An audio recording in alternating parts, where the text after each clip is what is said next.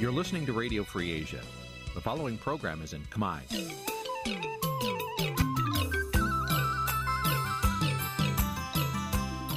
នេះជាកម្មវិធីផ្សាយ Vuthu Azizi Serai នេះជាកម្មវិធីផ្សាយរបស់ Vuthu Azizi Serai ជាភាសាខ្មែរ Vuthu Azizi Serai សូមស្វាគមន៍លោកអ្នកនាងទាំងអស់ពីរដ្ឋធានី Washington នៃសហរដ្ឋអាមេរិក បាទពីរដ្ឋធានី Washington សហរដ្ឋអាមេរិកខ្ញុំបានមេរិតសូមជម្រាបសួរលោកអ្នកនាងកញ្ញាប្រិមមអ្នកស្ដាប់ Visual C ស្រីទាំងអស់ជាទីមេត្រីយើងខ្ញុំសូមជូនកម្មវិធីផ្សាយសម្រាប់ព្រឹកថ្ងៃច័ន្ទ4កើតខែបុស្សឆ្នាំខាលចត្វាស័កពុទ្ធសករាជ2566ដែលត្រូវនៅថ្ងៃទី26ខែធ្នូគ្រិស្តសករាជ2022បាទជាដំបូងនេះសូមអញ្ជើញលោកអ្នកនាងកញ្ញាស្ដាប់ព័ត៌មានប្រចាំថ្ងៃដែលមានមេត្តាដូចតទៅ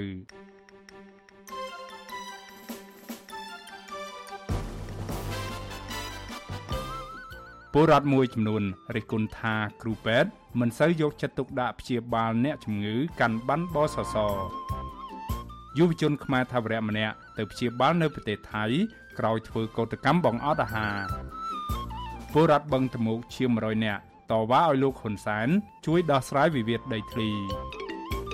មន្ត្រីសង្គមស៊ីវិលថាការទៀមទាឲ្យបញ្ឈប់ការផ្ដាល់បានស្នាក់នៅអចិន្ត្រៃយ៍មិនមែនជាការរើសអើងជាតិសាសន៍នោះទេ រួមនឹងព័ត៌មានផ្សេងៗមួយចំនួនទៀត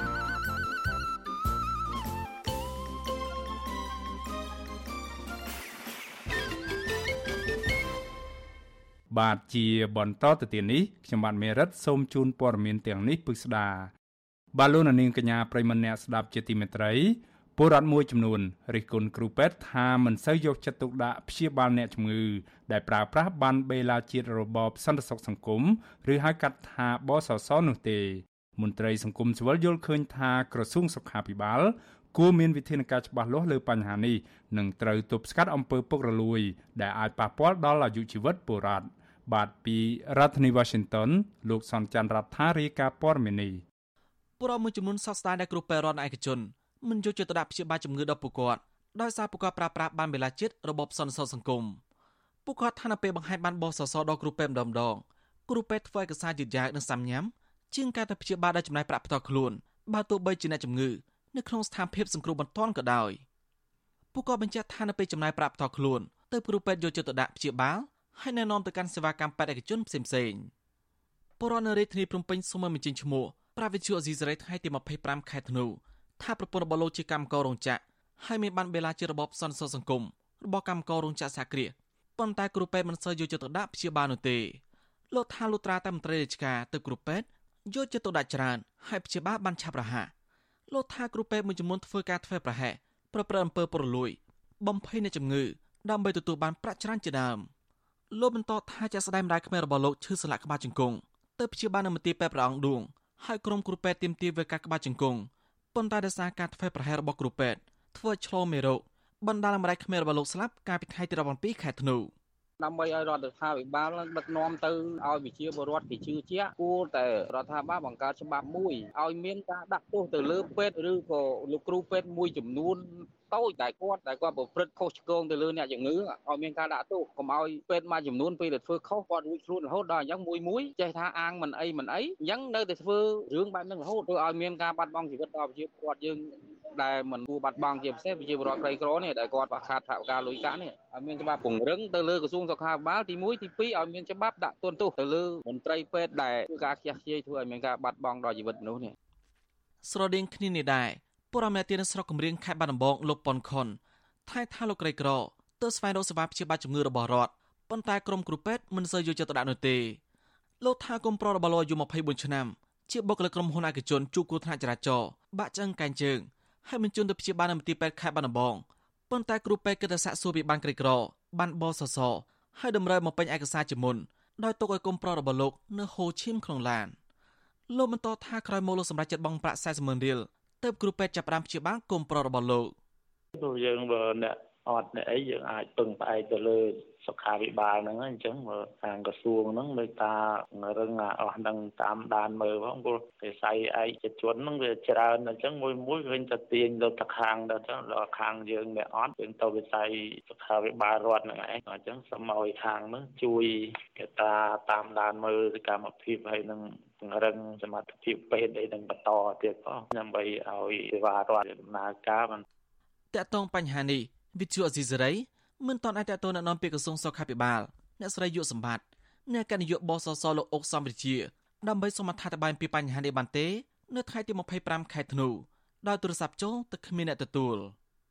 ជុំវិញរឿងនេះប្រធានសហភាពសហជីពកម្ពុជាលោករងឈុនមានប្រសាសន៍ថាការលើកឡើងរបស់បរដ្ឋនិងកម្មករជារឿងពិតហើយបញ្ហាបានបែរជារបបសន្តិសុខសង្គមគ្រាន់តែជារូបភាពឲ្យល្អមើលលោកបានថែមថាតាមការបញ្ជាក់ពីកម្មករកម្មការនីមន្ត្រីរាជការនិងគ្រូបង្រៀន ប្រាប់លោកថាកន្លងមកតាមមន្ទីរពេទ្យដែលបានចុះគេព្រមព្រៀងជាមួយបសសមួយចំនួន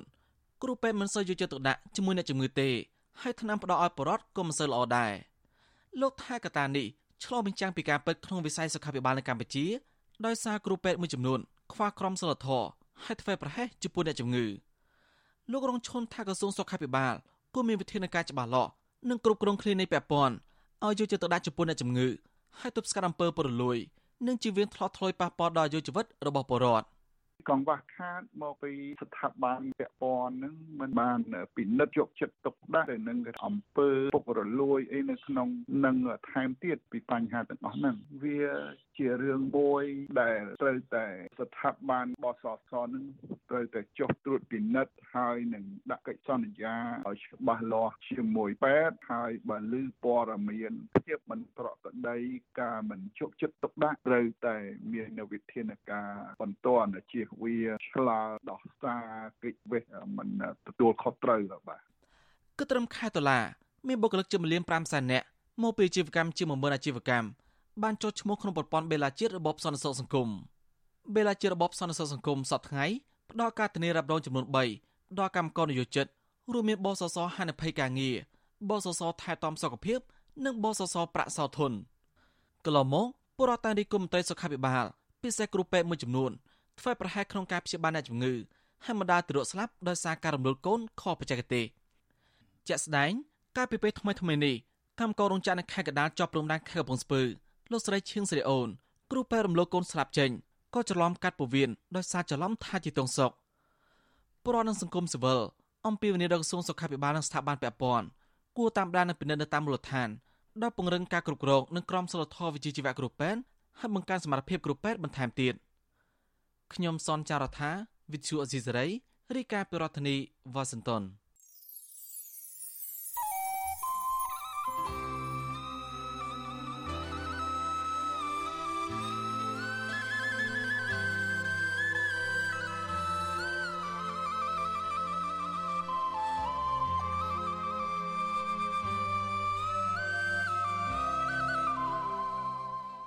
បាទលោកនាងកញ្ញាប្រិមម្នាក់ស្ដាប់ជាទីមេត្រីយើងងាកមកស្ដាប់ព័ត៌មានតាក់ទងទៅនឹងការបន្តទៀមទាឲ្យរដ្ឋាភិបាលបញ្ឈប់ការផ្ដាល់បានស្នាក់នៅអចិន្ត្រៃយ៍ដល់ជនអន្តោប្រវេសន៍ខុសច្បាប់វិញម្ដងបាទប្រជាពលរដ្ឋនិងយុវជនសកម្មជិត30នាក់នៅតែបន្តទៀមទាឲ្យរដ្ឋាភិបាល បញ្ឈប់ការផ្ដាល់បានស្នាក់នៅអចិន្ត្រៃយ៍ដល់ជនអន្តោប្រវេសន៍ខុសច្បាប់និងមិនត្រូវបង្រៀនអក្សរសាស្ត្រវៀតណាមនៅសាកលវិទ្យាល័យភូមិន្ទភ្នំពេញនោះទេ មន្ត្រីអង្គការសង្គមស៊ីវិលយល់ឃើញថាការទៀមទារបស់ក្រមប្រជាពលរដ្ឋទាំងនេះមិនមែនជាការរើសអើងជាតិសាសន៍នោះទេក៏ប៉ុន្តែគឺជាការជំរុញឲ្យមានការអនុវត្តច្បាប់ក្រមប្រជាពលរដ្ឋសកម្មជិត30នាក់បន្តទៀមទានៅទីលានប្រជាធិបតេយ្យក្នុងក្រុងភ្នំពេញនៅថ្ងៃទី25ខែធ្នូឲ្យរដ្ឋាភិបាលបញ្ឈប់ការផ្ដាល់បានស្នាក់នៅអចិន្ត្រៃយ៍ដល់ជនអន្តោប្រវេសន៍ខុសច្បាប់ និងកុំឲ្យក្រសួងអប់រំបង្រៀនអក្សរសាស្ត្រវៀតណាមនៅតាមសាកលវិទ្យាល័យកងសន្តិសុខប្រមាណ10នាក់ក៏ត្រូវបានដាក់ពង្រាយឲ្យឃ្លាំមើលការតវ៉ានៅថ្ងៃទី2នេះទូយ៉ាងណាការប្រមូលផ្ដុំនៅថ្ងៃនេះមិនមានការរារាំងពីសំណាក់អាជ្ញាធរនោះឡើយក្នុងវ័យ80ឆ្នាំនឹងបានពាក់អាវរងាដើម្បីទប់ទល់នឹងអាកាសធាតុត្រជាក់នៅកណ្ដាលទីលានប្រជាធិបតេយ្យលោកស្រីឆាងកំថុលប្រាវិសុយស៊ីស្រីថាប្រជាពលរដ្ឋខ្មែរ គួរចូលរួមទាមទារឲ្យរដ្ឋាភិបាល បញ្ឈប់ការផ្ដាល់បានស្នាក់នៅអចិន្ត្រៃយ៍ខុសច្បាប់ ជាពិសេសដល់ជនជាតិវៀតណាមពីព្រោះក្រុមជនអន្តោប្រវេសន៍ទាំងនេះមិនបានមករស់នៅក្នុងប្រទេសកម្ពុជា ដោយមូលហេតុនៃការរងការគំរាមកំហែងនយោបាយអ្វីឡើយលោកស្រីបន្តថារដ្ឋាភិបាលគួររឹតបន្តឹងការគ្រប់គ្រងជនអន្តោប្រវេសន៍ខុសច្បាប់ទាំងនោះជាជាងទទួលស្គាល់ពួកគេឲ្យរស់នៅកម្ពុជាដោយស្របច្បាប់ហើយដណ្ដើមមុខរបរប្រជាពលរដ្ឋម្ចាស់ស្រុក លោកស្រីឆាងកំថុលបន្ថែមថាការតវ៉ានេះមិនមែនធ្វើឡើងដោយសារតែការរើសអើងនោះទេព្រោះក្នុងនាមជាប្រជាពលរដ្ឋម្ចាស់ស្រុកគឺដើម្បីការពារអត្ថប្រយោជន៍ដល់ប្រជាពលរដ្ឋរបស់ខ្លួនតែប៉ុណ្ណោះចំពោះខ្មែរយើងដែលទៅគេទៅប្រទេសគេគោរពសិទ្ធិនៅប្រទេសគេណាគេគេចូលមកនេះគេអត់គោរពសិទ្ធិយើងទេដូចជាសង្ការពារទឹកដីគឺការពារកុំឲ្យនិគមយួនចុចទៅហូរមកចូលជារៀងរាល់ថ្ងៃយ៉ាងនេះខ្ញុំសំណូមពរឲ្យបងប្អូនឲ្យយុវជនទាំងអស់តាមដាន បញ្ហាសង្គមយើងនេះឲ្យជាប់ជារៀងរហូតទុកទល់សង្គមយើងឲ្យបានល្អប្រសើរកុំឲ្យបរទេសមកចូលមកកលអុកកលុកក្នុងសង្គមយើងកុំឲ្យឆាតឆៅកុំឲ្យគេធ្វើតាមអំពើចិត្តរបស់គេនោះយុវជនម្នាក់ដែលស្ម័គ្រចិត្តមកចូលរួមការតវ៉ានេះគឺលោកសាក់លីហួរយល់ឃើញថាការតវ៉ារបស់ក្រមប្រជាពលរដ្ឋនេះមិនមាននានាការរើសអើងជាតិសាសន៍ណាមួយនោះឡើយក៏ប៉ុន្តែគឺជាការប្រុងប្រយ័ត្នបង្ការកុំឲ្យមានចំនួនជាតិសាសន៍ទៅវិញទេលោកបានថែមថាលោកមិនគាំទ្រឲ្យរដ្ឋាភិបាលផ្ដាល់បានស្នាក់នៅអចិន្ត្រៃយ៍ដល់ជនអន្តោប្រវេសន៍ខុសច្បាប់ឡើយព្រោះការធ្វើដូច្នេះគឺប្រៀបដូចជាលើកទឹកចិត្តឲ្យជនអន្តោប្រវេសន៍ទាំងនោះមករស់នៅក្នុងប្រទេសកម្ពុជាដោយខុសច្បាប់បន្ថែមទៀតហើយនឹងអាចនាំឲ្យមានការរើសអើងជាតិសាសន៍កាន់តែខ្លាំងឡើងលោកថាក្នុងប្រវត្តិសាស្ត្រខ្មែរវៀតណាមបានយកទឹកដីកម្ពុជាក្រោមតាមរយៈការដាក់ប្រជាពលរដ្ឋវៀតណាមមករស់នៅលើទឹកដីខ្មែរនេះឯង លោកសាលីហួរបន្ថែមថារដ្ឋាភិបាលគួររឹតបន្តឹងការអនុវត្តច្បាប់អន្តោប្រវេសន៍ចំពោះជនបរទេសដែលចូលមករស់នៅក្នុងប្រទេសកម្ពុជាដោយខុសច្បាប់ដើម្បីរក្សាសន្តិសុខជាតិជាជាងបន្តផ្ដល់ភាពស្របច្បាប់ដល់ពួកគេកាលណាកំណើននៃជនជាតិវៀតណាមកាន់តែច្រើនជាងអាចមើលឃើញប៉ះពាល់ទៅដល់ប្រជាពលរដ្ឋទាំងផ្នែកសេដ្ឋកិច្ចរបស់គាត់តាំងពីសន្តិសុខរបស់គាត់ព្រោះអីមើលឃើញតទៅជនជាតិវៀតណាមមួយចំនួនមិនមែនថាទាំងអស់ថាមួយចំនួនជាច្រើនពួកគាត់ បង្កនៅភាពដែលថាអាចអចលាចលក្នុងតំបន់ដែលគាត់នៅនៅទៅដល់ពេលចឹងហើយដល់ពេលដែលយើងមានបញ្ហាមានអីចឹងពួកវៀតណាមគេស្រោះដៃស្រោះជើងគ្នាក្នុងការធ្វើបាបប្រជាពលរដ្ឋខ្មែរយើងវិសុវស៊ីស្រីមិនអាចតាក់ទងแนะនាំពាក្យរដ្ឋាភិបាលលោកផៃស៊ីផានដើម្បីបកស្រាយជុំវិញរឿងនេះបាននៅឡើយទេ នៅថ្ងៃទី25ខែធ្នូដោយទូរស័ព្ទចូលតែពុំមានអ្នកទទួលជុំវិញរឿងនេះដែរអ្នកនាំពាក្យសមាគមការពារសិទ្ធិមនុស្សអាត់ហុក លោកសឹងសានករណាគាំទ្រចំពោះការស្នើឲ្យរដ្ឋាភិបាល បញ្ឈប់ការផ្ដាល់បានស្នាក់នៅអចិន្ត្រៃយ៍ដល់ជនអន្តោប្រវេសន៍ខុសច្បាប់ព្រោះលោកថាការទៀមទាទាំងនេះធ្វើឡើងនៅក្នុងន័យស្នេហាជាតិតែប៉ុណ្ណោះលោកបានថែមថារដ្ឋាភិបាលនៃប្រទេសនីមួយៗតែងតែបង្កើតគោលនយោបាយការពារអត្ថប្រយោជន៍ពលរដ្ឋម្ចាស់ប្រទេសរៀងៗខ្លួន ដើម្បីកុំឲ្យជនបរទេសមកដណ្ដើមមុខរបររកស៊ីឬទាញយកធនធានធម្មជាតិរបស់ជាតិ ហើយការធ្វើបែបនេះមិនមែនជាការរើសអើងពូជសាសន៍នោះឡើយលោកសឹងសែនករណាបន្ថែមថាការអនុវត្តច្បាប់អន្តោប្រវេសន៍ឲ្យបានតឹងរឹងមិនមែនជាការរំលោភសិទ្ធិមនុស្សនោះទេក៏ប៉ុន្តែផ្ទុយទៅវិញ វាគឺជាការលើកកម្ពស់ការគោរពសិទ្ធិមនុស្សព្រោះនៅពេលរដ្ឋាភិបាលអាចគ្រប់គ្រងជនអន្តោប្រវេសន៍ខុសច្បាប់បាននោះការនេះអាចនឹងកាត់បន្ថយអំពើពុករលួយ និងបទល្មើសជួញដូរមនុស្សឬបទល្មើសផ្សេងៗបានទៅវិញទេ មិនតែប្រទេសយើងទេអ្នកប្រទេសណាក៏ដោយឲ្យតែគេមានដែនអធិបតេយ្យភាពមានឯករាជ្យភាពប្រទេសគេត្រឹមត្រូវគេមានការប្រុងប្រយ័ត្នណាស់អំពីការហូរចូលនៃជនអន្តោប្រវេសន៍នេះប៉ុន្តែបើចូលដោយភាពស្របច្បាប់អានឹងมันមានជាបញ្ហាអ្វីនោះទេផ្ទុយទៅវិញត្រូវការពារគេឲ្យគេមាននៅសុវត្ថិភាពការប្រមូលផ្ដុំរបស់ប្រជាពលរដ្ឋ ទាមទារឲ្យរដ្ឋាភិបាលបញ្ឈប់ការផ្ដាល់បានស្នាក់នៅអចិន្ត្រៃយ៍នេះត្រូវបានអាក់ខានទៅវិញមិនបានធ្វើចាប់តាំងពីថ្ងៃទី7ខែតុលាដោយយុវជន Teltiland ដែលជាអ្នកដឹកនាំការប្រមូលផ្ដុំតវ៉ានេះត្រូវបានសមត្ថកិច្ចកម្ពុជាចាប់ខ្លួន កាលពីថ្ងៃទី4ខែតុលាហើយតុលាការខេត្តកណ្ដាលបានឃុំខ្លួនលោកជាបណ្ដោះអាសន្ននៅពន្ធនាគារខេត្តនេះ ក្រមប្រជាពលរដ្ឋដែលបានចូលរួមការតវ៉ាលើកនេះលើកឡើងថាពួកគេនឹងបន្តការតវ៉ានៅពេលខាងមុខទៀតរហូតដល់រដ្ឋាភិបាលបញ្ឈប់ការផ្ដាល់បានស្នាក់នៅអចិន្ត្រៃយ៍ដល់ជនអន្តោប្រវេសន៍ខុសច្បាប់ប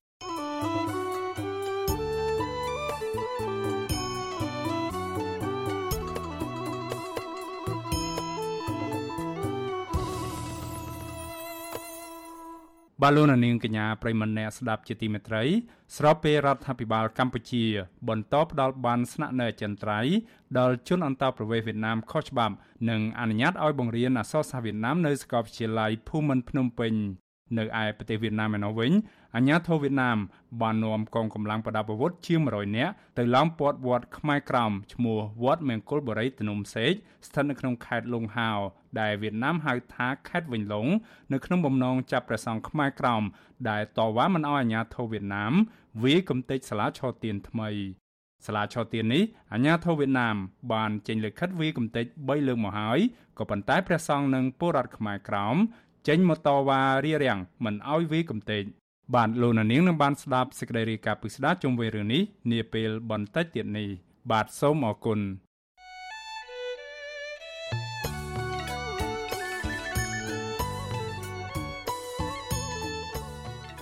បាទលោកនាងកញ្ញាប្រិមម្នាក់ស្ដាប់ជាទីមេត្រី នៅក្នុងឱកាសនេះដែរខ្ញុំបាទសូមថ្លែងអំណរគុណដល់លោកនាងកញ្ញាទាំងអស់ដែលតែងតែមានភក្ដីភាពចំពោះការផ្សាយរបស់យើងខ្ញុំ ហើយចាត់ទុកការស្ដាប់ Visual Asia សេរីគឺជាផ្នែកមួយនៃសកម្មភាពប្រចាំថ្ងៃរបស់លោកអ្នកនាង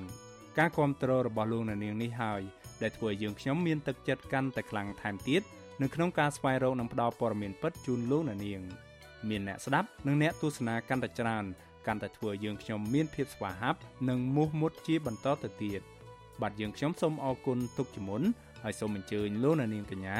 ចូលរួមជំរុញឲ្យសកម្មភាពផ្តល់ព័ត៌មានពិតរបស់យើងខ្ញុំនេះ កាន់តែជោគជ័យបន្ថែមទៀតលោកអ្នកនាងអាចជួយយើងខ្ញុំបានដោយគ្រាន់តែចុចចែករំលែកឬ Share ការផ្សាយរបស់យើងខ្ញុំនៅលើបណ្ដាញសង្គម Facebook និង YouTube ទៅកាន់មិត្តភ័ក្តិដើម្បីឲ្យការផ្សាយរបស់យើងបានទៅដល់មនុស្សកាន់តែច្រើន បាទសូមអរគុណ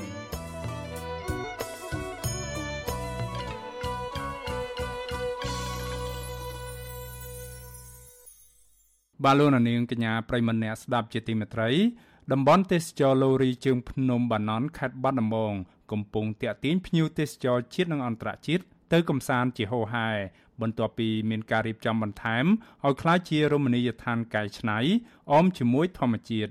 មន្ត្រីសង្គមស៊ីវិលជំរុញឲ្យមន្ទីរទេសចរខេត្តបង្កើនការផ្សព្វផ្សាយនិងពង្រឹងសេវាកម្មហើយបង្កើតអ្វីដែលថ្មីបន្ថែមទៀតដើម្បីរក្សានិរន្តរភាពតំបន់ទេសចរ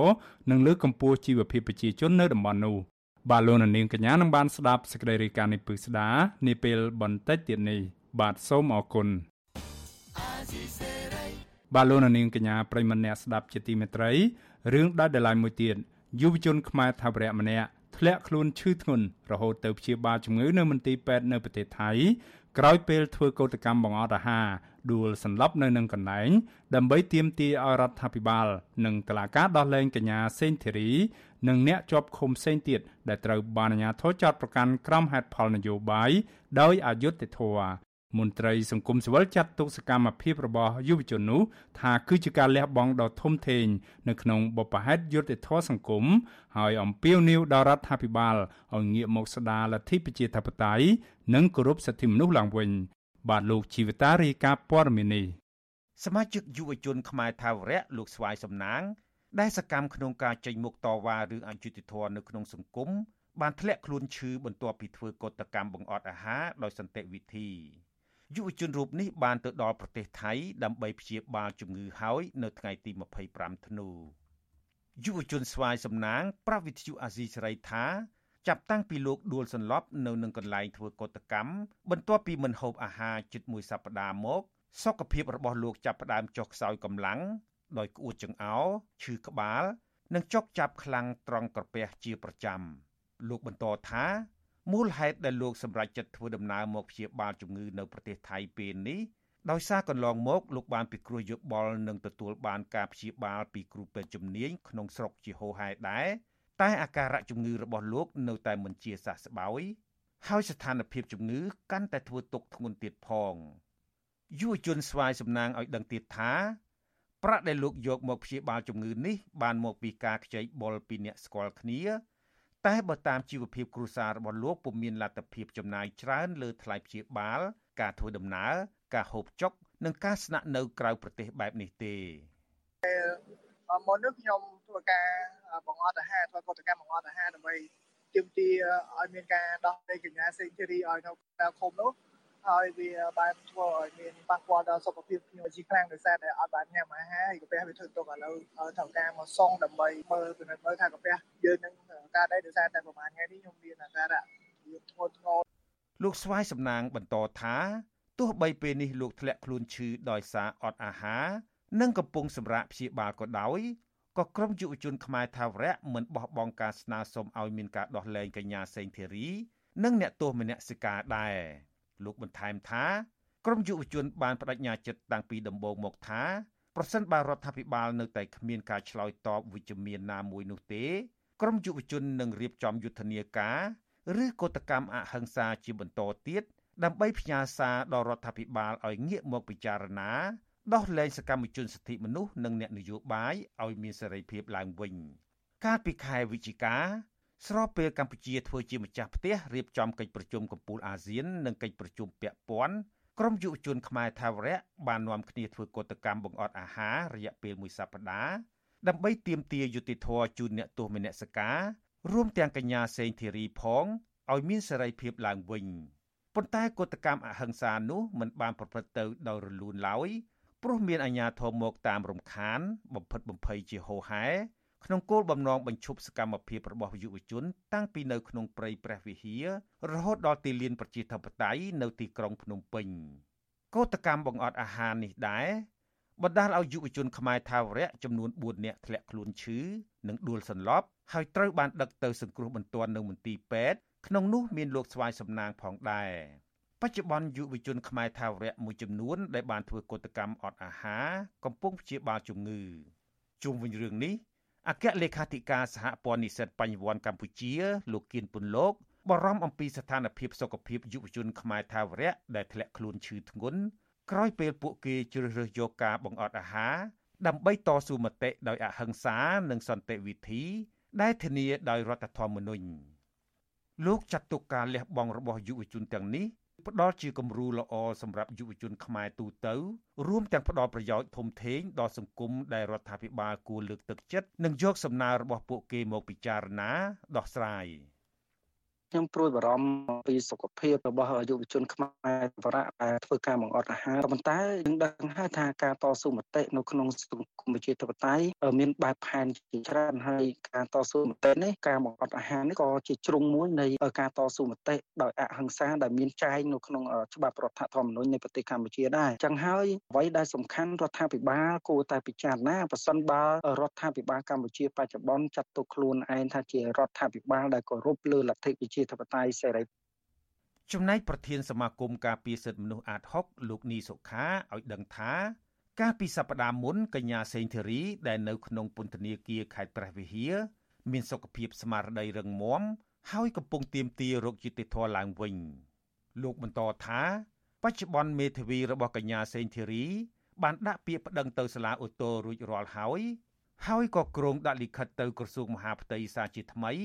ដើម្បីស្នើផ្ទេរកញ្ញាសេងធីរីមកកាន់ពន្ធនាគារព្រៃសរនៅរាជធានីភ្នំពេញវិញដើម្បីឲ្យក្រុមគ្រួសារនិងមិត្តភ័ក្តិព្រមទាំងមេធាវីងាយស្រួលក្នុងការចូលជួបទោះជាយ៉ាងណា លោកមើលឃើញថាសិទ្ធិរបស់កញ្ញាសេងធីរីនៅក្នុងពន្ធនាគារកំពុងរងការរឹតបន្តឹងពីសំណាក់អាជ្ញាធរនិងតុលាការនៅតែ ទទូចស្នើឲ្យទី1គឺមានការស្នើសុំដូរទីតាំងឃុំខ្លួនដើម្បីបានមកនៅចិត្តនៅក្រុមគ្រួសារក៏ដូចជាសាច់ញាតិមិត្តភ័ក្តិអីដើម្បីចូលសួរសុខទុក្ខហើយទី2ការចាប់ខ្លួនឃុំខ្លួនគាត់នឹងចំហគាត់នៅតែគាត់យល់ថាវាជារឿងមិនយុត្តិធម៌ទេបាទគឺថាគាត់មិនបានប្រព្រឹត្តអីខុសទេការដែលយកគាត់ទៅឃុំខ្លួននេះគឺវាជារឿងមួយដែលរំលោភទៅលើសិទ្ធិសេរីភាពរបស់គាត់ សមត្ថកិច្ចក្រុងភ្នំពេញបានចាប់ខ្លួនកញ្ញាសេងធីរី កាលពីថ្ងៃទី14ខែមិថុនានៅមុខតុលាការក្រុងភ្នំពេញក្រោយពីតុលាការប្រកាសសាលក្រមកាត់ទោសឲ្យកញ្ញាជាប់ពន្ធនាគារចំនួន6ឆ្នាំពីបទរួមគំនិតក្បត់ក្នុងសំណុំរឿងវិលចូលស្រុករបស់លោកសំរងស៊ីកាលពីឆ្នាំ2019មួយថ្ងៃបន្ទាប់មកតុលាការបានបញ្ជូនកញ្ញាសេងធីរីទៅឃុំខ្លួននៅពន្ធនាគារខេត្តព្រះវិហារ ដែលជាតំបន់ដាច់ស្រយាលឆ្ងាយពីរាជធានីភ្នំពេញ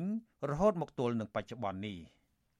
វិទ្យុអាស៊ីសេរីមិនអាចតាក់ទងប្រធានអង្គភិបអ្នកណែនាំពាក្យរដ្ឋាភិបាលលោកផៃស៊ីផានអ្នកនាំពាក្យក្រសួងយុតិធធលោកជិនម៉ាលីននិងអ្នកនាំពាក្យអគ្គនាយកដ្ឋានពន្ធនាគារនៃក្រសួងមហាផ្ទៃលោកនុតសាវណ្ណាដើម្បីបកស្រាយជុំវិញរឿងនេះបានទេ នៅថ្ងៃទី25ធ្នូកន្លងទៅថ្មីថ្មីនេះ សេចក្តីប្រកាសព័ត៌មានរបស់សេតវិមាននៃរដ្ឋាភិបាលអាមេរិកឲ្យដឹងថាក្នុងជំនួបរវាងប្រធានាធិបតីសហរដ្ឋអាមេរិកលោកโจ Biden ជាមួយលោកនាយករដ្ឋមន្ត្រីហ៊ុនសែនក្នុងអំឡុងកិច្ចប្រជុំអាស៊ានលោកโจ Biden ក្រៅពីលើកឡើងពីបញ្ហាផ្សេងផ្សេងលោកក៏បានស្នើដល់រដ្ឋាភិបាលលោកហ៊ុនសែនឲ្យដោះលែងអ្នកទោសនយោបាយរួមទាំងកញ្ញាសេងធីរីផងដែរខ្ញុំជីវិតាអាស៊ីសេរី បាទលោកនាងកញ្ញាប្រិមម្នាក់ស្ដាប់ជាទីមេត្រីដំណើរគ្នានឹងស្ដាប់ការផ្សាយរបស់ Visual C ស្រីតាមបណ្ដាញសង្គម Facebook និង YouTube លោកនាងកញ្ញាក៏អាចស្ដាប់កម្មវិធីផ្សាយផ្ទាល់របស់ Visual C ស្រីតាមរលកធារកាសខ្លីឬ Shortwave តាមកម្រិតនិងកម្ពស់ដូចតទៅនេះពេលព្រឹកចាប់ពីម៉ោង5កន្លះដល់ម៉ោង6កន្លះ តាមរយៈប៉ុស SW 9.39 MHz ស្មើនឹងកម្ពស់ 32m និងប៉ុស SW 11.85 MHz ស្មើនឹងកម្ពស់ 25m ពេលយប់ចាប់ពីម៉ោង7កន្លះដល់ម៉ោង8កន្លះតាមរយៈប៉ុស SW 9.39 MHz ស្មើនឹងកម្ពស់ 32m ប៉ុស SW 11.88 MHz ស្មើនឹងកម្ពស់ 25m និងប៉ុស SW 15.15 MHz ស្មើនឹងកម្ពស់ 20m បាទសូមអរគុណ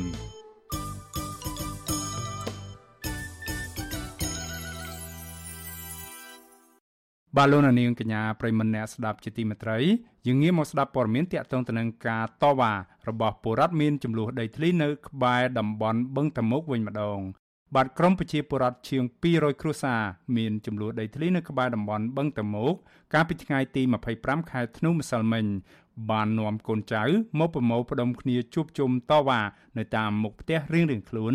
ដើម្បីទាមទាររកយុត្តិធម៌និងស្នើឲ្យលោកនាយរដ្ឋមន្ត្រីហ៊ុនសែនចេញប្លង់កម្មសិទ្ធិនិងកាត់ជ្រឿដីចំនួន5ហិកតាជូនដល់ពួកគាត់មន្ត្រីសង្គមស៊ីវិលស្នើដល់រដ្ឋាភិបាល ឲ្យពន្លឿនការដោះស្រាយវិវាទដីធ្លីនេះប្រកបដោយសន្តិវិធី ជាជាងដេញបុរដ្ឋចេញពីលំនៅឋានទាំងបង្ខំនិងគ្មានផ្ដោតសំណងសំរុំជូនដល់បុរដ្ឋនោះ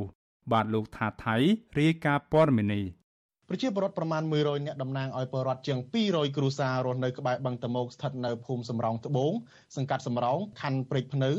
បាននាំគ្នាទាំងកូនទាំងចាស់ទាំងក្មេងតវ៉ាលើកបដារូបថតលោកហ៊ុនសែនដោយមានបដាសរសេរថាអគុណសន្តិភាព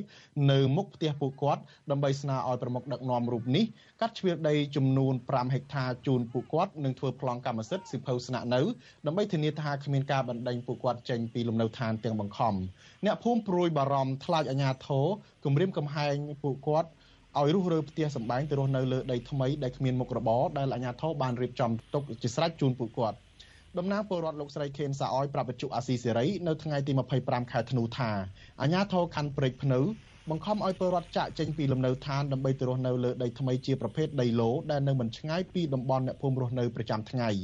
លោកស្រីឲ្យដឹងទៀតថាការដែលអាជ្ញាធរបង្ខំពលរដ្ឋឲ្យចាក់ចេញពីលំនៅឋាននេះអាជ្ញាធរនឹងមិនផ្ដល់សំណងជូនពលរដ្ឋសំបីមួយរៀលឡើយហើយអាជ្ញាធរកាន់ព្រឹកភ្នៅបែបជំរុញដល់ពលរដ្ឋទៅខ្ចីប្រាក់ពីធនាគារដើម្បីយកមកសាងសង់ផ្ទះនៅលើដីឡូថ្មីដែលរដ្ឋបានរៀបចំជូនពលរដ្ឋលោកស្រីចាត់ទុកទង្វើបែបនេះថាជារឿងអយុត្តិធម៌និងធ្វើឲ្យប្រជាពលរដ្ឋកាន់តែក្រីក្រត្បិតពួកគាត់បានមកតាំងទីលំនៅឋាននៅតំបន់បឹងតមោកតាំងពីឆ្នាំ1990 ពោលតាំងពីគ្មានការអភិវឌ្ឍមកម្លេះ ខ្ញុំ250គ្រួសារហ្នឹងមានដីដល់10តែមកតាហ្នឹងបើកាត់គ្រាខ្ញុំជាប្រជាពលរដ្ឋមករួចទៅបើអុកញ៉ាដល់ចង់បានឯអាដាមក្រុមហ៊ុនរដ្ឋណាចង់បានទិញទៅប្រជាពលរដ្ឋទៅដល់ស្រែតម្លៃទីផ្សារពួកគាត់ទៅវាបានដូចថាគាត់រូបបងមួយទាំងមូលក៏គាត់បានជោគជ័យក៏ប្រជាពលរដ្ឋលើកទាំងច្រើនគាត់ដល់គាត់ចង់ដល់ដេញជាពលរដ្ឋទៅឲ្យជាប់គុកជាប់ច្បាប់ដេញឲ្យទៅសុំទានគេទៀតមិនធម្មតាឲ្យទៅយកដីប្រទេសយករុយរត់យកអត់ត្រូវស៊ីអីផងមានតែដីយករុយរត់ឲ្យយកមកធ្វើផ្ទះឲ្យអត់មានមុខរបរអីឲ្យស៊ីមិនអនាគតទៅសុំទានគេ លោកស្រីខេនសាអយបន្ថែមទៀតថាអភិបាលខណ្ឌព្រែកភ្នៅលោកខឹមសាអានបានប្រាប់ប្រជាពលរដ្ឋនៅចំពោះមុខថ្មីថ្មីនេះថាបើទោះបីជាពលរដ្ឋមិនរុះរើផ្ទះសម្បែងក៏គ្មានអាជ្ញាធរចេញប្លង់កម្មសិទ្ធិដីធ្លីជូនពួកគាត់ដែរអ្នកស្រីថាពលរដ្ឋមួយចំនួនព្រួយបារម្ភនិងអស់សង្ឃឹមដែលរងសម្ពាធទាំងផ្លូវកាយនិងផ្លូវចិត្តព្រោះដីធ្លីនិងផ្ទះសម្បែងអាចនឹងត្រូវគេរឹបអូសឈូសបំផ្លាញនៅថ្ងៃខាងមុខពលរដ្ឋម្នាក់ទៀតគឺលោកស្រីទ្របសំណាងឲ្យដឹងថាបើទោះបីជាអាជ្ញាធរ មិនឲ្យលោកស្រីបន្តរស់នៅលើដីសពថ្ងៃក៏លោកស្រីស៊ូស្លាប់នៅនឹងកន្លែងមិនព្រមចាក់ចេញពីលំនៅឋាន និងដីធ្លីរបស់លោកស្រីដែរបន្ថែមពីនេះលោកស្រីថាការលុបបង្កតមកកន្លងមកបានធ្វើឲ្យប្រជាពលរដ្ឋមានជីវភាពលំបាកដោយសារតែពលរដ្ឋមិនអាចរកខ្យងរកត្រីកាច់ផ្កាឈូកបានច្រើនដូចមុនសម្រាប់លក់យកប្រាក់ផ្គត់ផ្គង់ជីវភាពប្រចាំថ្ងៃទោះបីខ្ញុំរាល់ថ្ងៃខ្ញុំលក់ឈូកលក់ខ្យងរាមិនក្រោយប៉ុន្តែបើសិនជាខ្ញុំចុះទឹកខ្ញុំបេះតគួន ឬខ្យងឬដកអាវឈូកយកមកលក់គឺមានឡានមានម៉ូតូគេអ្នកដើរលេងដើរអីចឹងទិញខ្ញុំដល់ពេលឲ្យខ្ញុំទៅនៅក្នុងកណ្ដាលព្រៃទោះបីខ្ញុំរកខ្យងដកអាវឈូកបានក៏មិនដឹងមានពីណាមកទិញខ្ញុំទេបងព្រោះអីនៅនឹងឆ្ងាយពីទីប្រជុំជួន វិទ្យុអាស៊ីសេរីមិនអាចតាកតងអភិបាលខណ្ឌព្រែកភ្នៅលោកខឹមសាអាននិងអភិបាលរាជធានីភ្នំពេញលោកឃុងស្រេងដើម្បីសូមអត្ថាធិប្បាយជុំវិញរឿងនេះបានទេនៅថ្ងៃទី25ខែធ្នូកន្លងមកសហគមន៍សំរងត្បូងបានស្វែងរកកិច្ចអន្តរាគមន៍ពីក្រសួងដែនដីស្ថាប័នរដ្ឋសភានិងគុតកាឡៃលោកហ៊ុនសែនជាច្រើនលើកច្រើនសារមកហើយដើម្បីស្នើឲ្យកាត់ជ្រឿដីចំនួន5ហិកតានិងចេញប្លង់កម្មសិទ្ធិដីធ្លីជូនពលរដ្ឋជាង200គ្រួសារនិងមានផ្ទះចំនួន108ខ្នង ក៏ប៉ុន្តែមកទល់ពេលនេះពួកគាត់នៅតែមិនទាន់ទទួលបានដំណោះស្រាយដដែលហើយថែមទាំងជាប់បណ្ដឹងនៅតុលាការថែមទៀត។អ្នកភូមិឲ្យដឹងថាមកដល់ពេលនេះមានពលរដ្ឋ4គ្រួសារប៉ុណ្ណោះដែលព្រមចាក់ចេញពីលំនៅឋានហើយទទួលយកដីដែលរដ្ឋបានរៀបចំជូនជុំវិញរឿងនេះអ្នកសម្របសម្រួលគម្រោងធុរកិច្ចនិងសិទ្ធិមនុស្សនៃមជ្ឈមណ្ឌលសិទ្ធិមនុស្សកម្ពុជា CCHR លោកវ៉ាន់សុផាតសង្កេតឃើញថាការរៀបចំផ្ដាល់សំណងជូនពលរដ្ឋដែលត្រូវបានបង្ខំឲ្យចាក់ចេញពីលំនៅឋានពីសំណាក់អាជ្ញាធរនេះគឺជារឿងមិនត្រឹមត្រូវតាមច្បាប់ឡើយ លោកថាបើទោះបីជាពលរដ្ឋរស់នៅលើដីកម្មសិទ្ធិរបស់រដ្ឋក្នុងករណីបណ្តេញចេញអាជ្ញាធរត្រូវតែមានការព្រមព្រៀងជាមួយនឹងប្រជាពលរដ្ឋហើយអាជ្ញាធរត្រូវរៀបចំប្រព័ន្ធទឹកហេដ្ឋារចនាសម្ព័ន្ធនិងផ្ទះសម្បែងលើដីថ្មីសម្រាប់ពលរដ្ឋរស់នៅឲ្យបានសមរម្យ លោកវ៉ាន់សុផាតរិះគន់ថាស្របពេលដែលរដ្ឋាភិបាលបានកាត់ជ្រៀលដីបឹងតមោករាប់រយហិកតាផ្ដល់ឲ្យអ្នកមានអំណាចនិងក្រុមអង្គការមួយចំនួនក៏ប៉ុន្តែបែរជាដី5ហិកតារដ្ឋាភិបាលគ្មានឆន្ទៈផ្ដល់ជូនពលរដ្ឋបែបនេះគឺឆ្លុះបញ្ចាំងឲ្យឃើញថារដ្ឋាភិបាលខ្វាយខ្វល់តែសុកទុកក្រុមអង្គការដោយមិនអើពើពីទុកលំបាកពលរដ្ឋក្រីក្រនោះទេ សិនរដ្ឋាភិបាលក៏ដូចជាស្ថាប័នមានសមត្ថកិច្ចរួមទាំងអាជ្ញាធរមូលដ្ឋានមានតាមចាក់ពិតប្រាកដក្នុងការដោះស្រាយជូនប្រជាពលរដ្ឋណាប៉ុន្តែគាត់ចាត់ជាប្រជាពលរដ្ឋយើងហ្នឹងទៅជាមិនមែនជាប្រជាពលរដ្ឋដែលសំខាន់របស់រដ្ឋយើងទៅជាក្រុមហ៊ុនអង្គការអ្នកមានអំណាចហ្នឹងធំជាងអញ្ចឹងឃើញថានៃការអនុវត្តច្បាប់ហ្នឹងគឺថាវាមានវាអត់ប្រយ័ត្នភាពរវាងប្រជាពលរដ្ឋហើយនិងអ្នកមានអំណាចជាមួយក្រុមហ៊ុនផ្សេងៗហ្នឹងអាហ្នឹងវាធ្វើឲ្យអតយភាពនៅក្នុងសង្គមរបស់យើង ផ្ទៃបឹងតមោកមានទំហំជាង3000ហិកតាតាមអនុក្រឹត្យចុះថ្ងៃទី3ខែកុម្ភៈឆ្នាំ2016ប៉ុន្តែផ្ទៃបឹងតមោកដែលអ្នកភូមិចាត់ទុកថាជាអាងស្តុកទឹកធំជាងគេនៅរាជធានីភ្នំពេញបានប្រែក្លាយជាតំបន់ដីគោកបន្តិចម្ដងបន្តិចម្ដងបន្ទាប់ពីរដ្ឋាភិបាលលោកហ៊ុនសែនសម្រេចកាត់ជ្រៀលដីផ្ទៃបឹងទៅឲ្យក្រុមអង្គការឈ្មួញមន្ត្រីក្រាកក្រាក់ព្រមទាំងក្រុមគ្រួសារសាច់ញាតិរបស់លោកដើម្បីអនុញ្ញាតឲ្យពួកគេចាក់ដីលុបបឹងអស់រាប់រយហិកតាក្រុមហេតុផលអភិវឌ្ឍន៍ គិតត្រឹមឆ្នាំ2018ដល់ឆ្នាំ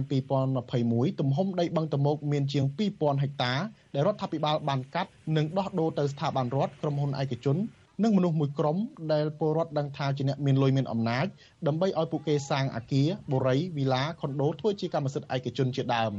ខ្ញុំថាថៃពីទីក្រុងមែលប៊ន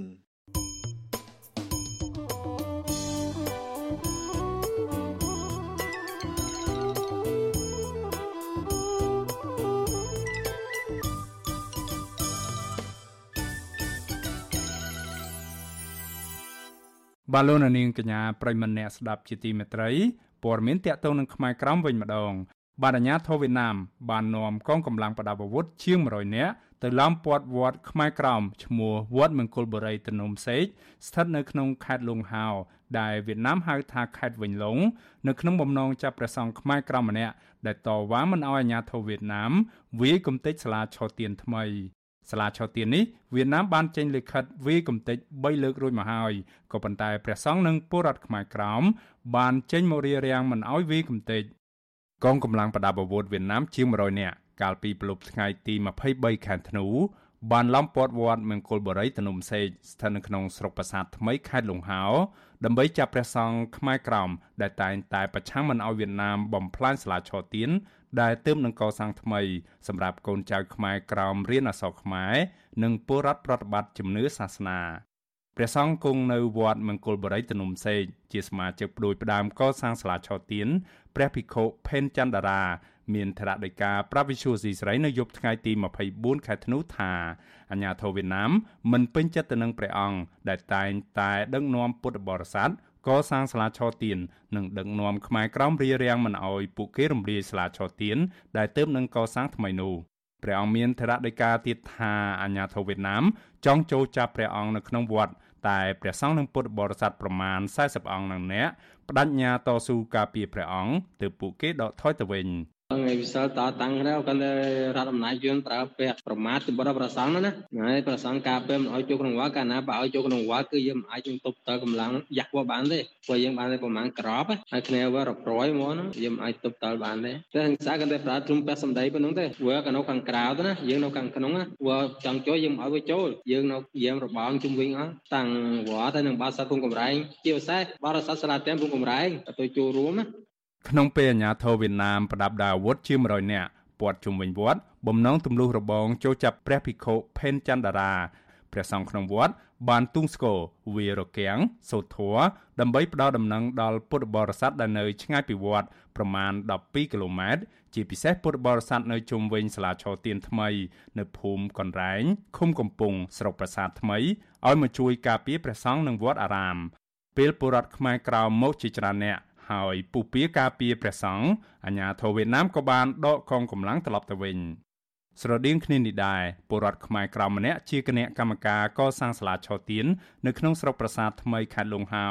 លោកកឹមឃឹមប្រាប់ថាអាញាធរវៀតណាម បានចេញលិខិតអញ្ជើញដល់លោកនិងខ្មែរក្រម2នាក់ទៀតនិងព្រះសង្ឃឲ្យទៅចរចានៅសាលាឃុំជុំវិញរឿងកសាងសាលាឆោទៀនថ្មីនេះកាលពីរសៀលថ្ងៃទី23ខែធ្នូ ក៏ប៉ុន្តែលោកនឹងខ្មែរក្រោមនិងព្រះសង្ឃមិនព្រមទៅ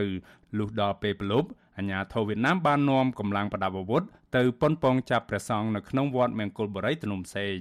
លោកបន្តថាពេលលោកឮដំណឹងថាអាញាធរវៀតណាមបានគ្រងមកចាប់ព្រះសង្ឃក៏លោកបបួលអ្នកភូមិឲ្យមកជួយព្រះសង្ឃលោកស្នើឲ្យអង្គការសិទ្ធិមនុស្សពិភពលោកជួយដល់ពលរដ្ឋខ្មែរក្រោមកុំឲ្យវៀតណាមរំលោភជំនឿសាសនានិងវាយកំទេចស្លាឆោទៀនរបស់ខ្មែរក្រោម សំណុំពរដល់អង្គការសិទ្ធិមនុស្សអន្តរជាតិណាដែលវៀតណាមដែលជាសមាជិកសិទ្ធិមនុស្សអន្តរជាតិមួយគឺថាសូមអង្គការសហប្រជាជាតិនឹងដាក់សម្ពាធលើរដ្ឋអំណាចយួននឹងបន្តិចគឺថាខ្លួនឯងទទួលនៅសិទ្ធិជាអ្នកទទួលយកនៅសិទ្ធិមនុស្សហេតុអ្វីមិនអនុវត្តក្នុងប្រទេសរបស់ខ្លួនណាសូមឲ្យសហគមន៍អន្តរជាតិនឹងបង្វែរផ្នែកឬចាត់ខុសនឹងមកសម្លឹងមើលពីការរំលោភសិទ្ធិរបស់រដ្ឋអំណាចយួនហ្នឹងណាវិសុវស៊ីស្រីមិនអាចតាក់ទងសំការអធិប្បាយជុំវិញរឿងនេះពីអាញាធរវៀតណាមនៅខេត្តលង្ហោ បាននៅឡើយទេនៅថ្ងៃទី25ខែធ្នូជុំវិញរឿងនេះដែរអគ្គលេខាធិការសមាគមខ្មែរកម្ពុជាក្រោមដើម្បីសិទ្ធិមនុស្សនិងអភិវឌ្ឍប្រចាំកម្ពុជានិងជាមេធាវី លោកសឿនជំជួន លើកឡើងថាអាញាធរវៀតណាមលើកកម្លាំងទៅពាត់ចាប់ព្រះសង្ឃទាំងយប់គឺជាទង្វើខុសច្បាប់វៀតណាម និងរំលោភសិទ្ធិពលរដ្ឋខ្មែរក្រោមព្រោះព្រះសង្ឃជាបុគ្គលដែលខ្មែរក្រោមលើកដំកើង លោកបន្តថាវៀតណាមគួរតែគោរពតាមច្បាប់សិទ្ធិមនុស្សអន្តរជាតិដែលខ្លួនទៅជាប់ជាសមាជិកអចិន្ត្រៃយ៍នៃក្រុមប្រឹក្សាសិទ្ធិមនុស្សរបស់អង្គការសហប្រជាជាតិខ្ញុំក៏សូមជំនុំពរដែរទៅដល់ខាងអាជ្ញាធរវៀតណាមដែលមានសមត្ថកិច្ចជាពិសេសដល់រដ្ឋាភិបាលវៀតណាមគួរតែណែនាំដល់សមត្ថកិច្ចរបស់ខ្លួនហ្នឹងគួរអនុវត្តឲ្យបានសមស្របទៅតាមគោលការណ៍សិទ្ធិមនុស្សសមស្របទៅតាមគោលការណ៍ច្បាប់របស់ខ្លួននេះជាដើមវាមិនអាចធ្វើការកំហែងឡងពេលដែលរដ្ឋជាសមាជិកហើយជារដ្ឋមួយដែលទើបទៅជាប់ឆ្នោតជាសមាជិករបស់ក្រុមប្រឹក្សាសិទ្ធិមនុស្សអង្គការសហប្រជាជាតិផងហើយបង្កើនឲ្យមានបញ្ហានោះទៅខ្លួនគួរគួរគួរគួរតែគិតហើយគួរតែស្វែងយល់អំពីបញ្ហាហ្នឹងហើយ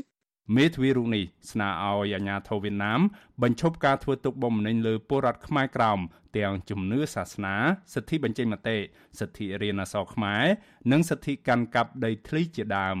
លោកថាបើវៀតណាមនៅតែបំពេញនោះពលរដ្ឋខ្មែរក្រមអាចរាយការណ៍ទៅអង្គការសិទ្ធិមនុស្សពិភពលោកប្រចាំទីក្រុងព្រៃនគរបានគ្រប់ពេលកន្លងមកព្រះសង្ឃវត្តមង្គលបុរីទនុំសេកត្រូវបានអាជ្ញាធរវៀតណាមអុកលោកជាច្រើនលើកច្រើនសារដូចជាប៉ុនប៉ងកាប់ដើមកគីមានអាយុជាង700ឆ្នាំផ្ទះកំភ្លៀងព្រះសង្ឃដែលរៀបរៀងមិនអោយកាប់ដើមកគី ព្យាយាមបំផ្លាញសាលាឆោទៀនថ្មី និងចាប់ម៉ូតូកង់3រៀបរៀងមិនអោយព្រះសង្ឃនិមន្តបិណ្ឌបាតជាដើម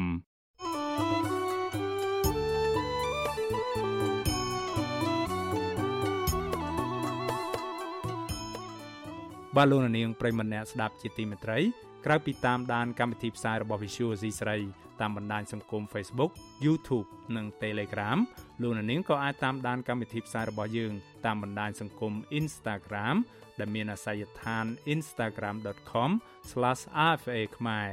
Visual C ស្រីបន្តខិតខំផ្សព្វផ្សាយព័ត៌មានពិតជូនដល់លោកនាងតាមរយៈបណ្ដាញសង្គមផ្សេងៗនិងសម្បូរបែបដើម្បីឲ្យលោកអ្នកនាងងាយស្រួលតាមដានការផ្សាយរបស់យើងគ្រប់ពេលវេលា និងគ្រប់ទីកន្លែងតាមរយៈទូរស័ព្ទដៃរបស់លោកអ្នកនាង បាទសូមអរគុណ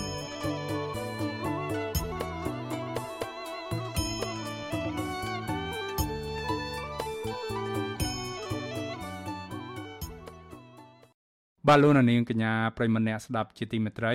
នៅឯប្រទេសថៃឯណោះវិញជនភៀសខ្លួនខ្មែរក្រោមនៅក្នុងប្រទេសថៃជាង100នាក់ បានប្រមូលផ្ដុំគ្នានៅជាយក្រុងបាងកកដើម្បីបោះឆ្នោតជ្រើសរើសប្រធានគណៈកម្មការថ្មីសម្រាប់អាណត្តិទី8កាលពីរសៀលថ្ងៃទី25ខែធ្នូម្សិលមិញដើម្បីដឹកនាំសមាគមជនភៀសខ្លួនខ្មែរក្រោមសមាគមនេះតែងតែជួយសម្រួលដល់ខ្មែរក្រោមដែលភៀសខ្លួនមកប្រទេសថៃឲ្យមានទីជម្រកមានការងារធ្វើជួយគ្នាក្នុងគ្រាលំបាកដូចជាចែករំលែកស្បៀងអាហារឲ្យគ្នាទៅវិញទៅមក រួមគ្នាធ្វើបន់ប្រពៃណីផ្សេងផ្សេងនិងបើកថ្នាក់បង្រៀនអក្សរខ្មែរដល់កូនខ្មែរជាដើមប្រធានសមាគមជនភៀសខ្លួនខ្មែរក្រោមប្រចាំប្រទេសថៃលោកលឹមកៅសំណាងប្រាវិសុយស៊ីស្រីកាលពីថ្ងៃទី25ខែធ្នូថាលោកជាប់ឆ្នោតលើកនេះគឺជាលើកទី2ហើយដែលសមាជិកជឿទុកចិត្តលើលោកដើម្បីដឹកនាំសមាគមឲ្យមានការសាមគ្គីគ្នានិងជួយទុកធរៈគ្នាទៅវិញទៅមកដូចជាសមាជិកឈឺនាំទៅមន្ទីរពេទ្យ ជួយថវិកានិងស្បៀងអាហារដល់អ្នកភៀសខ្លួនថ្មីទើបមកដល់ប្រទេសថៃជាដើមលោកបន្តថាលោកនឹងដឹកនាំសមាគមឲ្យរីកចម្រើនទៅមុខជាពិសេសផ្ដោតលើការរៀនអក្សរខ្មែររបស់កុមារខ្មែរនៅក្នុងប្រទេសថៃ ហើយក្រុមយើងគ្នាយកមកនេះជួយគ្នាទេអានឹងការបម្រើក្នុងសហគមន៍ក្នុងសមាគមក្រុមចាំទៀតខ្លួននេះគឺយើងអត់មានកម្រៃមានប្រាក់ខែទេសន្តើគឺយើងជួយសង្គមពីសង្គមពិបាកយើងរត់គេចខ្លួនពីអាណានិគមវៀតណាមមកហើយមកដល់ប្រទេសថៃហើយយើងជំនឿឱកាសឲ្យកូនយើងចូលរៀនសាលាបានទេគឺរៀនតែរៀនសាលាថៃប៉ុន្តែជាភាសាថៃប៉ុន្តែកំណត់ថាយើងបែបកំណត់យើងជាណាមកពីណាគឺយើងជាខ្មែរខ្មែរកម្ពុជាក្រោមបើយើងរៀនអក្សរសាស្ត្រខ្មែរឲ្យកូនយើងមិនបានធ្វើការងារធំដុំក៏ដោយយ៉ាងណាក៏យើងអាចឲ្យកូនយើងអានអក្សរសាស្ត្ររបស់ជាតិយើងបានដែរសមាគមជនភៀសខ្លួនខ្មែរក្រោមនៅក្នុងប្រទេសថៃនេះបានបើកដំណើរការជាលើកដំបូងតាំងពីឆ្នាំ2015មកនៅក្នុងគោលបំណងប្រមូលជនភៀសខ្លួនឲ្យបានទៅជាក្រុមនៅប្រទេសថៃដើម្បីជួយគ្នាក្នុងគ្រាមានអាសន្នដូចជាជូនសមាជិកមកថ្មីប្តឹងទៅអង្គការសហប្រជាជាតិនៅក្នុងក្រុងបាងកកជំវិញការរំលោភសិទ្ធិរបស់ពួកគាត់ពីសំណាក់អាជ្ញាធរវៀតណាម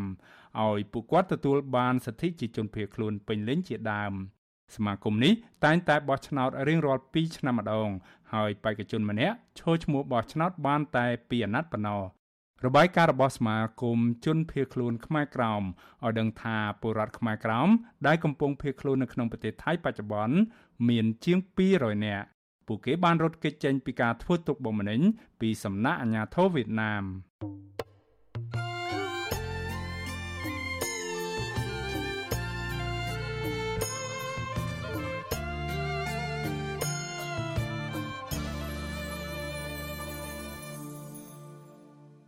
បាទលោកនាងកញ្ញាប្រិមម្នាក់ស្ដាប់ជាទីមេត្រីព័ត៌មានតកតងនឹងសុខភាពវិញម្ដងបាទក្រសួងសុខាភិបាលរកឃើញជំងឺគ្រុនឈាមជិត10000ករណីកើតត្រឹមដើមខែវិច្ឆិកាឆ្នាំ2022នេះនិងសម្រាប់ជីវិតមនុស្សជិត20នាក់ដែលភ ieck ច្រើនជាកុមារករណីជំងឺគ្រុនឈាមនេះកើនឡើងជិត10ដងបើប្រៀបធៀបទៅនឹងរយៈពេលដូចគ្នាកាលពីឆ្នាំ2021កន្លងទៅបាទតើជំងឺគ្រុនឈាមមានរោគសញ្ញាអ្វីខ្លះ ហើយគេអាចមានវិធីណាខ្លះដើម្បីបង្ការជំងឺនេះបាន បាទពីរដ្ឋធានី Washington អ្នកស្រីម៉ៅសុធីនីរាយការណ៍ពីស្ដារព័ត៌មាននេះ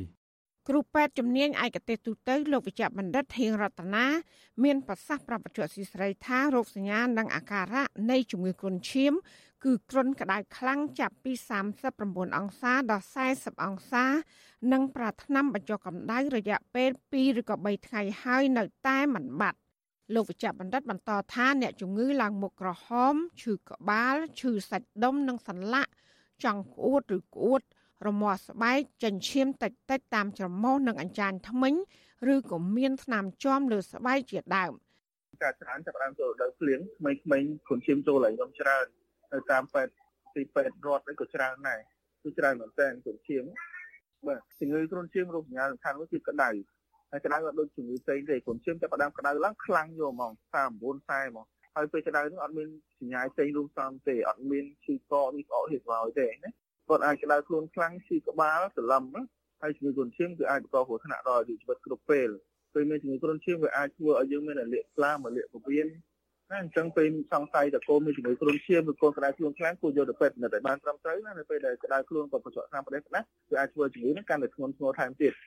ជំងឺគ្រុនឈាមគឺជាជំងឺមួយប្រភេទដែលបង្កឡើងដោយការឆ្លងវីរុសស្រូចស្រាវនិងរាលដាលពីមនុស្សម្នាក់ទៅមនុស្សម្នាក់ទៀត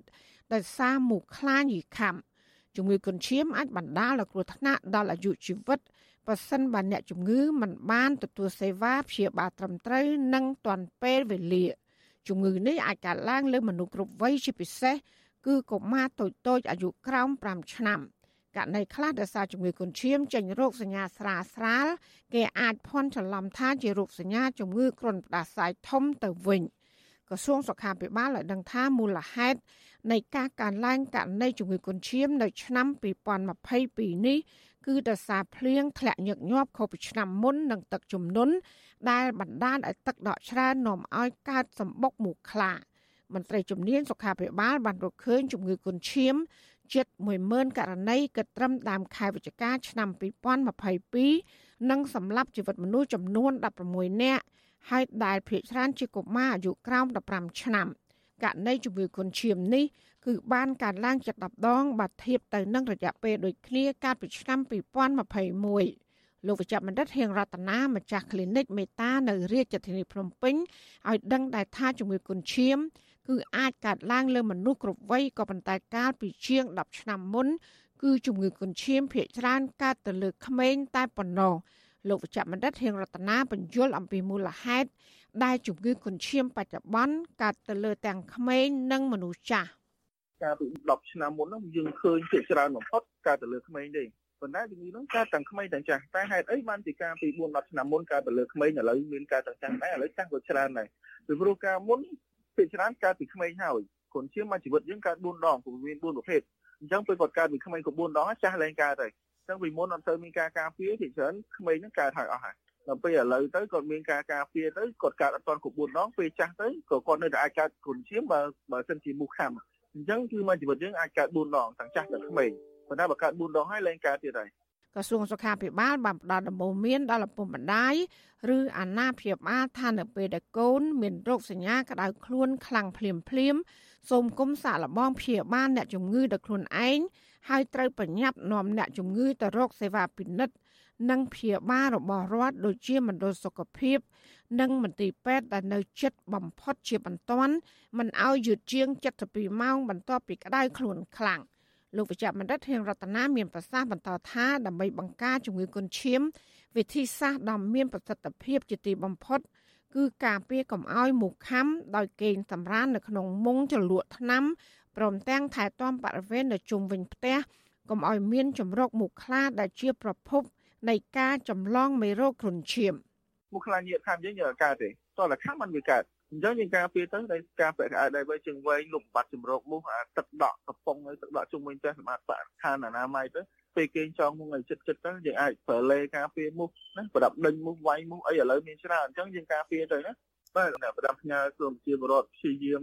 ថែសារសុខភាពឥឡូវយើងឃើញជំងឺច្រើនមែនតើកូវីដឥឡូវមានអុតស្មាមានអីទៀតហើយយើងឃើញថាការចម្លងហ្នឹងច្រើនបំផុតតទៅនឹងកតាអនាម័យអញ្ចឹងយើងគួរថែសារប្រុងប្រយ័ត្នមកការអនាម័យឲ្យបាន ល្អ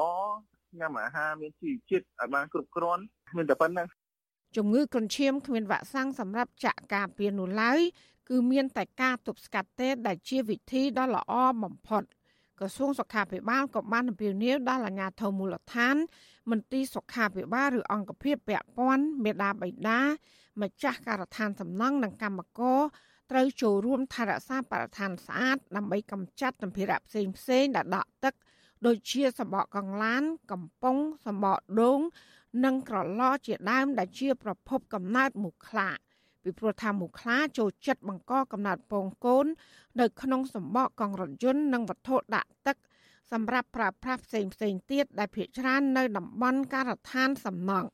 បន្ថែមពីនេះបរដ្ឋគ្រប់រូបត្រូវរស់នៅអនាម័យស្អាតល្អការពារកុំឲ្យមូសខាំដោយដេកក្នុងមុងទាំងយប់ទាំងថ្ងៃស្លៀកសម្លៀកបំពាក់ចិត្តចិត្តកុំឲ្យកុមារលេងនៅទីងងឹតនិងត្រូវបើកទ្វារបើកបង្អួចឲ្យមានពន្លឺថ្ងៃចូលគ្រប់គ្រាន់ក្រសួងក៏បានត្រៀមវិធីព្យាបាលដល់អ្នកជំងឺគ្រុនឈាមដោយត្រៀមសេរ៉ូម70000ផ្លោក ថ្នាំបាញ់អាបែតប្រមាណ400តោនដើម្បីប្រើប្រាស់បង្ការនិងទប់ស្កាត់ជំងឺគ្រុនឈាមក្រសួងក៏បានដាក់ចេញវិធានការមួយចំនួន ដើម្បីជំរុញឲ្យមន្ត្រីសុខាភិបាលទាំង25រាជធានីខេត្តចាត់ចែងផ្តល់សេវាសម្រាប់ព្យាបាលដល់អ្នកជំងឺគ្រុនឈាម នៅក្នុងមន្ទីរពេទ្យឲ្យបានល្អខណៈសេវាឯកជន តែគ្មានចំណេះដឹងគ្មានជំនាញ និងគ្មានសម្ភារៈឧបករណ៍ត្រឹមត្រូវសម្រាប់សេវាព្យាបាលដល់អ្នកជំងឺគ្រុនឈាមក្រសួងសុខាភិបាលមិនអនុញ្ញាតឲ្យព្យាបាលនោះឡើយហើយត្រូវបញ្ជូនអ្នកជំងឺទៅព្យាបាលនៅមន្ទីរពេទ្យរដ្ឋដែលនៅជិតបំផុតចាននាងខ្ញុំម៉ៃសុធានីវັດឈូអាស៊ីសេរីប្រធានាធិបតី Washington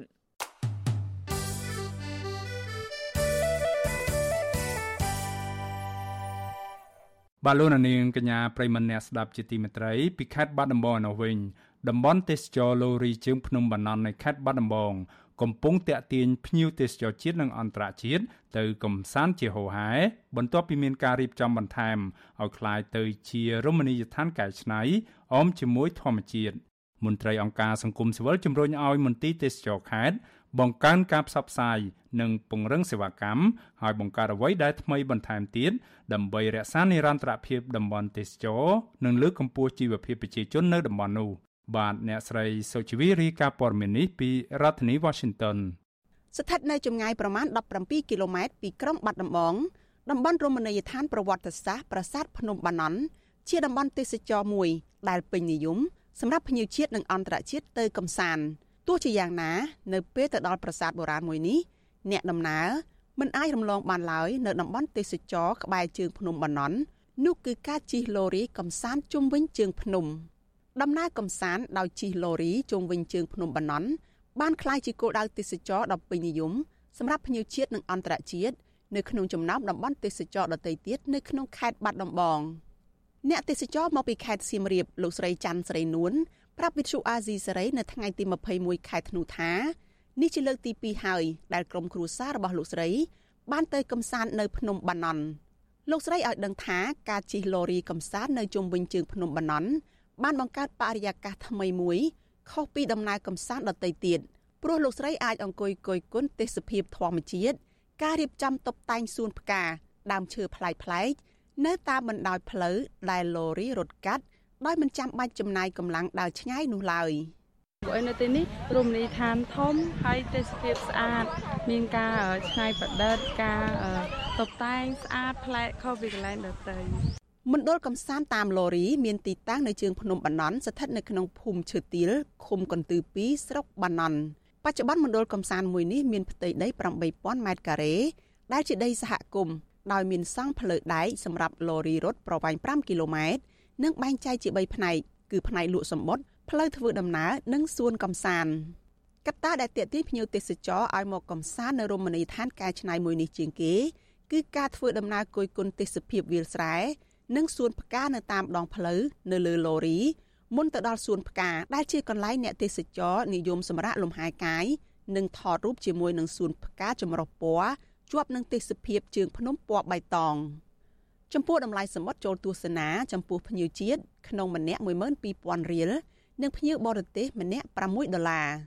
នៅថ្ងៃសម្រាប់ចុងសប្តាហ៍ឬថ្ងៃឈប់សម្រាកបុណ្យប្រពៃណីជាតិមានភ្ញៀវទេសចរមកកំសាន្តនិងប្រើប្រាស់សេវាកម្មឡូរីនេះចន្លោះពី1000នាក់ទៅ2000នាក់នៅក្នុងមួយថ្ងៃភ្ញៀវទេសចរម្នាក់ទៀតមកពីខេត្តបន្ទាយមានជ័យកញ្ញាធីតូតាឲ្យដឹងថាកញ្ញាមកលេងកំសាន្តនៅទីនេះ4ដងមកហើយកញ្ញាបន្តថា ត្បិតឡូរីជើងភ្នំបណ្ណន់ជាតំបន់ទេសចរកែច្នៃក៏ពិតមែនតែវាមានទេសភាពធម្មជាតិជាច្រើន និងមានការរៀបចំប្លែកៗតាក់ចិត្តអ្នកទៅកំសាន្តមិនឲ្យធុញទ្រាន់នោះឡើយកញ្ញាថានៅពេលទំនេរពីការប្រកបការងារនាងតែងនាំឪពុកម្ដាយនិងបងប្អូនមកជិះឡូរីកំសាន្តព្រោះមានកន្លែងថតរូបស្អាតស្អាតនិងមានភាពងាយស្រួលសម្រាប់មនុស្សចាស់ដោយគ្រាន់តែអង្គុយមើលទេសភាពជុំវិញជើងភ្នំដោយមិនចាំបាច់ចំណាយកម្លាំងដើរឆ្ងាយនោះឡើយ លក្ខណៈគ្រួសារច្រើនអ្នកហើយជាជាង10អ្នក2ឡានពេញពេញហ្មងឡូរីមានវត្តមាននៅលើទឹកដីនៃប្រទេសកម្ពុជាជាង80ឆ្នាំមកហើយកាលពីមុនឡូរីជាប្រភេទយានចល័តព្រោះបើកបរជាមួយនឹងផ្លូវរថភ្លើងបើកាលណាមានរថភ្លើងឆ្លងកាត់គេត្រូវលើកគ្រែឫស្សីនិងកង់នោះចេញពីផ្លូវ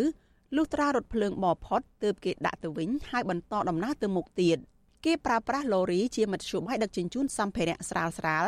និងអីវ៉ាន់ផ្សេងផ្សេងចំនួនកម្លាំងមនុស្សដោយពឹងផ្អែកទៅលើការរត់កាត់លើផ្លូវរថភ្លើងហើយក្រោយមកវាបានក្លាយជាយានសម្រាប់ដឹកអ្នកដំណើរវិញប៉ុន្តែដោយសារចរាចរណ៍ផ្លូវដែកពីខេត្តបន្ទាយមានជ័យមកភ្នំពេញកាន់តែមមាញឹកទើបធ្វើឲ្យអាយៈស្មៃយានតូចនេះបដូរមកប្រើផ្លូវដែកដាច់ដោយឡែកវិញលូរីបង្កើតឡើងពីគ្រឿងបង្គុំរួមមានគ្រែឫស្សីដែលមានទទឹងប្រមាណ2ម៉ែត្រកន្លះនិងបណ្ដោយប្រមាណ3ម៉ែត្រមានកង់ធ្វើពីដែកនិងមានម៉ាស៊ីនសាំងមួយ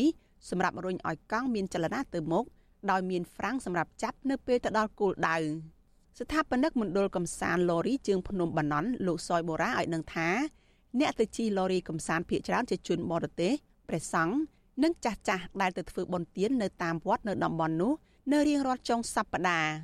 យ៉ាងណាលោកស្នើសុំឲ្យមន្ទីរទេសចរខេត្តចូលរួមពង្រីកតំបន់ទេសចរមួយនេះបន្ថែមទៀតដោយប្រមូលអ្នកជំនាញបើកឡូរី ឬបង្ហាត់ជំនាញនេះទៅអ្នកដែលចង់ធ្វើការងារនេះ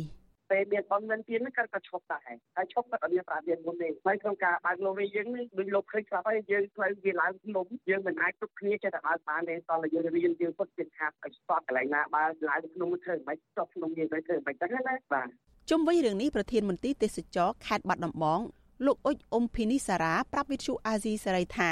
ភ្ញៀវទេសចរជាតិនិងអន្តរជាតិដែលមកកំសាន្តជិះឡូរីនេះ មានចំនួនកើនឡើងបន្ទាប់ពីការរីករាលដាលជំងឺ Covid-19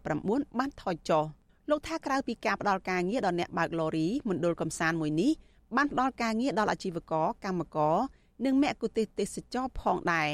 លោកបន្តថាអាជ្ញាធរមូលដ្ឋាន បានលើកយកប្រធានបទតំបន់ទេសចរមួយនេះមកពិភាក្សានិងផ្សព្វផ្សាយពីសក្តានុពលដើម្បីតេទៀងឲ្យភ្ញៀវទេសចរមកកំសាន្តកាន់តែច្រើនថែមទៀត ឥឡូវហ្នឹងគឺ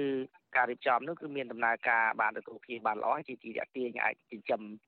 អ្នកស្រុកនៅក្នុងហ្នឹងមួយចំនួនហើយជាជនដែលរស់ស៊ីមុខរបរនៅតាមផ្លូវហ្នឹងតាំងពីជិតទៀលរហូតដល់បណ្ណនឹងកន្ទឺមួយកន្ទឺពីរហ្នឹងបាទគាត់បានទទួលផលប្រយោជន៍ពីកន្លែងហ្នឹងដែរតើតើនៅរឿងនេះមន្ត្រីសម្របសម្រួលសមាគមការពារសិទ្ធិមនុស្សអាត6នៅក្នុងខេត្តបាត់ដំបងលោកយិនមេងលីយល់ឃើញថា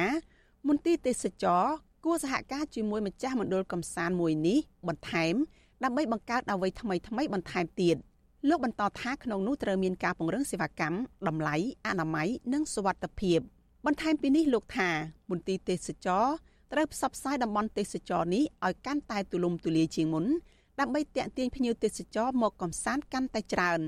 ចឹងខ្លួនដែលជារដ្ឋតែមានទូនីតិក្នុងការមើលត្រូវខិតខំផ្សព្វផ្សាយពិនិត្យទៅលើសេវាផ្សេងផ្សេងពិនិត្យទៅលើបរិស្ថានផ្សេងផ្សេងទៀតអានេះគឺទេសចរនឹងវាអាចរស់បានយូរអង្វែងព្រោះពួកយើងឃើញថាទេសចរជាវិស័យឧស្សាហកម្មមួយដែលគ្មានផ្សែងគឺងាយងាយក្នុងការរកចំណូលចូលចូលរដ្ឋអញ្ចឹងយើងមិនត្រូវឲ្យវិស័យទេសចរដែលរស់រស់ហើយនឹងធ្វើឲ្យវាស្លាប់ទៅវិញត្រូវខិតខំយ៉ាងណាទៀតទាំងឯកជនទាំងរដ្ឋត្រូវចូលរួមទាំងអស់គ្នាបាទរបាយការណ៍មន្ទីរទេសចរខេត្តបាត់ដំបងបង្ហាញថាភ្ញៀវទេសចរចំនួនជាង50ម៉ឺននាក់ក្នុងនោះទេសចរបរទេសជាង1000នាក់ បានដើរលេងកម្សាន្តនៅតាមរមណីយដ្ឋាននិងតំបន់គោលដៅទេសចរ20កន្លែងនៅក្នុងខេត្តនេះចាប់តាំងពីថ្ងៃទី14ដល់ថ្ងៃទី16ខែមេសាឆ្នាំ2022នៃពិធីបុណ្យចូលឆ្នាំថ្មីប្រពៃណីជាតិរមណីយដ្ឋានទេសចរនៅក្នុងខេត្តបាត់ដំបងដែលភ្ញៀវទេសចរទៅកំសាន្តច្រើនជាងគេរួមមានក្រុងបាត់ដំបងរមណីយដ្ឋានភ្នំសំពៅប្រាសាទបាណន់ប្រាសាទឯកភ្នំរមណីយដ្ឋានអាងកំពីងពួយ និងមណ្ឌលកំសាន្តឡូរីជើងភ្នំបាណន់ជាដើម។ នាងខ្ញុំសុជីវី With you Azizi Serai ពីរដ្ឋធានី Washington